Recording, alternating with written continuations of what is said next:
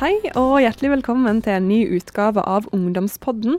Jeg heter Amalie Læring, jeg er sideansvarlig i Aftenposten. Og med meg så har jeg sexologisk rådgiver Nanna Klingenberg og psykolog Aksel Inge Sinning. Hallo! Hei. Hallo. Dagens tema det er bekymringer. Vi har fått inn et spørsmål fra ei jente på 13 år som bekymrer seg og tenker veldig masse. Og jeg leser spørsmålet hennes nå. Hei, jeg er ei jente på 13 år. Jeg tenker så mye hele tiden. Jeg tenker hele tiden på hva andre vil tenke om meg. Jeg tenker på negative ting om meg sjøl, og jeg har dårlig samvittighet for hvordan jeg ser ut. Er det noen som er glad i meg? Hva om jeg blir mislykkes i framtiden? Hvem vil hjelpe meg da? Tankene lar meg liksom ikke være i fred. Er det normalt å tenke så mye? Hvor kommer det av, og hvordan blir jeg eventuelt kvitt det? Aksel, hva er det første du tenker når du hører dette spørsmålet her? Det første jeg tenker er at uh, her er det en ung jente som virkelig har mye som foregår i hodet hennes hele tiden. Det høres ut som hun er skikkelig plaget av tankekjør, og det vet jeg at det kan være utrolig slitsomt. Når tankene bare spinner og spinner og spinner og spinner. Du klarer ikke å stoppe dem. Hun sier 'tankene lar meg ikke være i fred'. Og det er så mange spørsmål spesielt om hvordan hun er som person, og hvordan, hva som kommer til å skje i fremtiden. Og en del av disse spørsmålene er helt naturlig å ha som ungdom. altså og egentlig for mennesker generelt. Hun spør om helt grunnleggende ting i et menneskes liv. Altså, er det noen der ute som er glad i meg? Og ha, hvem har meg hvis jeg eh, trenger det? Altså, er jeg trygg? er jo egentlig det hun spør om, på en måte.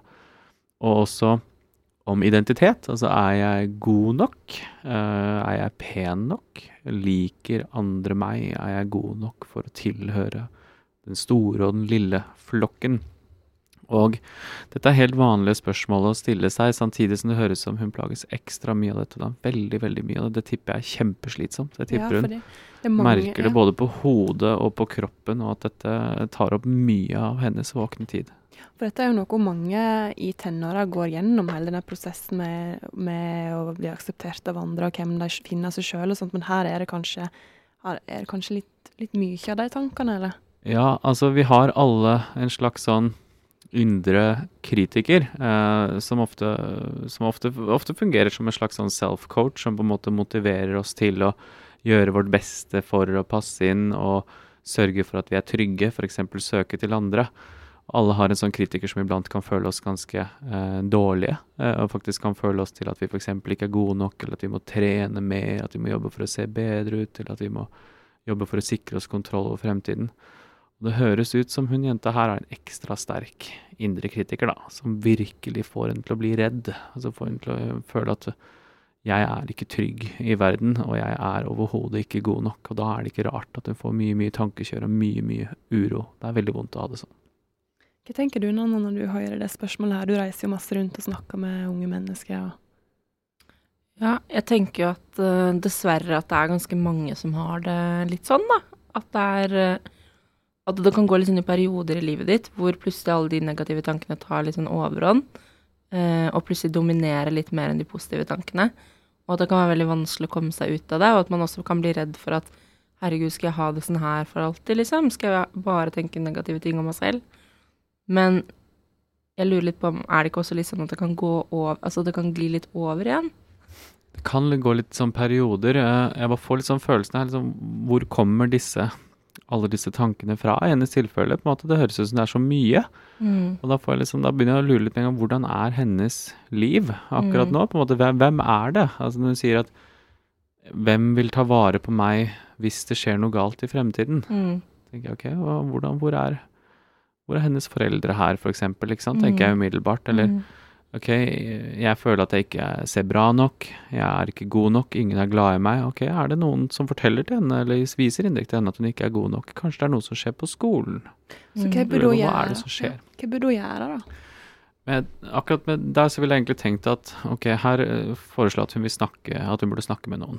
Uh, ta kontakt med en voksen som hun stoler på og føler seg trygg med, enten det er mamma eller pappa eller helsesøster eller lærer eller en rådgiver. Fortell litt hvilke tanker og spørsmål det er hun går og bærer på hele tiden. Fordi her er det ikke bare bekymring på en måte, og uro, det er altså grunnleggende spørsmål som dreier seg om følelser som frykt og skam Mm. og dårlig samvittighet. Men hvis man syns det er skummelt da, å snakke med noen sant, på skolen eller foreldre eller noe sånt, så kan man jo også ta kontakt eh, det finnes noen chat-tjenester, for Ja. Ja. Um, det er vel ung.no som har en chatside. ja. For det kan, være, jeg, det kan jo sikkert være litt vanskelig hvis ikke man har noen man stoler på, det der å gå og fortelle sånn Mm, Det er kanskje også derfor hun har skrevet inn i en avis, da, at, at det virker litt tryggere. Og det å stille spørsmål over uh, nett eller telefon er sånn fin måte å egentlig få redusert en del av ubehaget ved å snakke om det som er vanskelig. Det er Mhm. egentlig en ganske god måte å, å søke Mhm. hjelp på, absolutt. Jeg ser, men her er jeg som tenker veldig masse, men det er jo sikkert veldig mange som kjenner seg igjen i det å gå rundt og bekymre seg og ha det vanskelig. Og vi har snakka litt om det tidligere, Aksel, at det med bekymringspauser og prøve liksom å skru bekymringene litt av. Kan ikke du fortelle litt om det? Ja, det, det går litt sånn på det at uh, hun, hun sier det egentlig ganske fint selv. Tankene lar meg ikke være i fred. Uh, og det som, da kan jeg stille dere spørsmål. Jeg kan heller gjøre litt sånn interaktiv øvelse her, hvis det er greit for dere. Ja, det er moro, det. Um, når dere, dere har sikkert vært i perioder der dere har tenkt veldig veldig mye og hatt mye sånn tankekjør, eller bekymret dere mye, grublet. Mm. Har det hendt at dere har fått tipset om å slutte å tenke så mye på det? Ja. Det Folk sier til dere har så ikke tenkt så mye på det, da. Ja. Men det gjør bare at man tenker enda mer på det. Nettopp. Og det er ganske greit å merke hvorfor. Vi kan gjøre en litt sånn kort øvelse på det. Hvis, hvis dere begge to kan se for dere en isbjørn, Mm. en stor, hvit, lodden isbjørn med fire bein og en liten hale. Ser dere for dere en isbjørn? Mm Ja. Ja. De neste 20 sekundene nå, så skal dere slutte å tenke på isbjørn. Nå har dere ikke lov til å tenke på isbjørn lenger. Så gjør alt dere kan for å ikke tenke på en isbjørn, ikke se for dere en isbjørn. Og hver gang dere tenker på en isbjørn, så må dere si 'der'. Ja, men da kan jeg si sammenhengende. 20 sekunder, klar, ferdig. Der! Det er jo håpløst. Det går ikke. Det, det er bare isbjørn. Det, ja, men det er bare Ja. isbjørn Ja. her nå. Og jeg, Merker dere at liksom isbjørn kommer med en gang? Den Ja. lar dere liksom, Hvor mye har dere tenkt på isbjørn før i dag? Null. Ja. Dette viser et sånn viktig prinsipp. Ja, Det viser et sånn viktig prinsipp med tankene våre at når vi blir redde for tankene våre, eller blir oppgitt eller frustrert på tankene våre og prøver å ikke tenke på dem, så kommer de oftere. Og det er fordi Da begynner vi plutselig å sjekke også om vi følger reglene våre. Vi sier sånn 'ikke tenk på det', og så begynner vi å sjekke ok, tenker jeg på det nå. Det er det som skjer i praksis. da, at mm, Tenker jeg på isbjørn nå? Ja, da tenker jeg på isbjørn. For da må du jo også tenke på isbjørn. Mm. Når du skal prøve, så når du skal få tankene dine vekk, så må du også sjekke om tankene dine er vekk, og da kommer de mer. Så det er sånn typisk sånn i all bekymring og grubling og tankekjør, så er det en sånn tilstedeværelse at man er litt redd for tankene sine også. Det er ikke rart at hun er redd for tankene sine, for det er vanskelige spørsmål. Men eh, ved å på en måte erkjenne at tankene er faktisk ikke farlige. Eh, tanker er bare tanker. Det er det. De er faktisk ikke mer. Tanker er mentale objekter som kommer og går. De kan ha vondt bidrag, men det er ikke farlig å tenke. Det er heller ikke farlig å bekymre, faktisk. Men det kan være utrolig slitsomt. Og hvis man skiller, da mellom tanker og bekymring, så kan man begynne å bruke sånne teknikker som du snakket om her, så bekymringspause.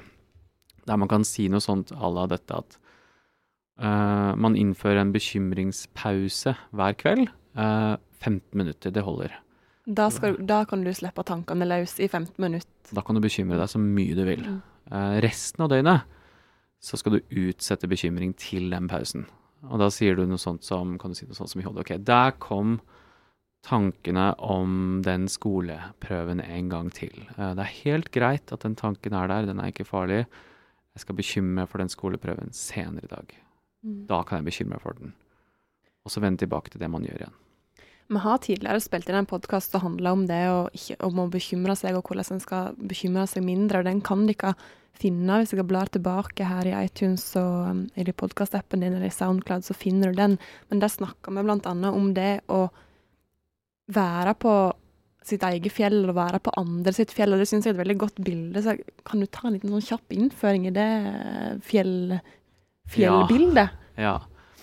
Eh, man kan tenke at når man er barn, uh, så kan man sies å være veldig på sitt eget fjell. Man ser verden veldig fra sitt eget ståsted, og så utover så jakter man alt. Man spør liksom hva er det, hva er det? Og så er man interessert og nysgjerrig i hvordan andre oppfører seg, hva andre sier og hva andre gjør.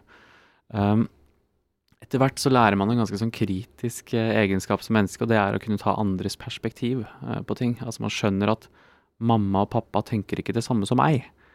Så da begynner man midlertidig å lære seg å gå ned fra sitt eget fjell og opp på andres fjell, og så se seg selv utenifra. Altså hva synes mamma om meg nå? Da kan man f.eks. stå i butikken og skrike til mamma, og så blir mamma sur og kjefter tilbake, og så kan man midlertidig gå ned fra sitt eget fjell, så kan man si, og på mammas fjell, så kan man si OK, nå blir mamma sur på meg fordi jeg står og maser. Så kan hun gå tilbake til seg selv og si oi, unnskyld, mamma. Så det er en ganske sånn viktig Mm. egenskap å ha da, som menneske, å kunne ta andres perspektiv, altså kunne Mm. gå på andres fjell. Men det må ikke bli for mye av det. Nettopp, og i ungdomstiden, spesielt den alderen der, Mm. så befinner man seg veldig mye på andres fjell. Mm. Man er veldig opptatt av å passe inn å være god nok og høre hjemme. Og da bruker man plutselig masse tid på fjellene til alle vennene sine, f.eks., og ser seg selv utenfra. Og da er altså oppmerksomheten innover i seg selv, inn i sine egne tanker. Og ved å komme tilbake på sitt eget fjell, det gjør man ved å flytte oppmerksomheten utover igjen. Altså f.eks. når man sitter og snakker med noen, så merker man nå er jeg bare oppi hva tenker den personen om meg. Altså jeg er inne i mine egne tanker. Da blir man ofte litt sånn rar og keitete i sånne samtaler. Man blir veldig selvbevisst, ikke sant. Sier man rare ting og begynner å planlegge hva man skal si og sånn. Og da kan man komme seg tilbake på sitt eget fjell ved å tvinge oppmerksomheten utover. F.eks. se på munnen eller øynene til den personen du snakker med og tenke nå skal jeg få med meg alt Amalie sier da akkurat nå. Da tvinger jeg meg selv til å være på mitt fjell, og da vil jeg flytte oppmerksomheten utover. Mm. Da blir jeg mindre selvbevisst. Det er en av de, måte, de store eh, de, Veldig mange av teknikkene for mennesker for å få ro går jo nettopp på det å flytte oppmerksomhet til et objekt. For det har vi snakka om, og svart, jeg håper vi har gitt et bra svar på det konkrete spørsmålet. Så må vi også komme litt inn på det hvis du bare er, har en periode der du er litt bekymra, og så har vi jo kommet inn på litt teknikker der. Så jeg håper jo at noe av det kan være nyttig for lytterne. da. Absolutt. Innfør en bekymringspause. Det, det kan egentlig de fleste ha ganske godt av å ha i hverdagen. Mm. Jeg bruker det selv iblant. Og, Da er det straks helg, og siden vi har blitt en fredagspod, så er vi liksom nesten pliktige til å gi litt tips til lytterne til, ting de kan tenke på i helga, ting de kan gjøre. Jeg har et uh, tips uh, som er helt uh, uavhengig av psykisk helse og sexologi, men som er veldig sånn kul. Jeg er veldig glad i musikk. Jeg er ganske sånn musikknerd på mange måter. Spiller i band. Jeg spiller i band, Mm. ja. Helt riktig. Og der oppdaget jeg nylig en veldig kul podkast som jeg vil anbefale alle musikkinteresserte ungdommer å høre. Den heter Switched on Pop. Der det er to kule fyrer i San Francisco som eh, sitter og De kan utrolig mye om musikk.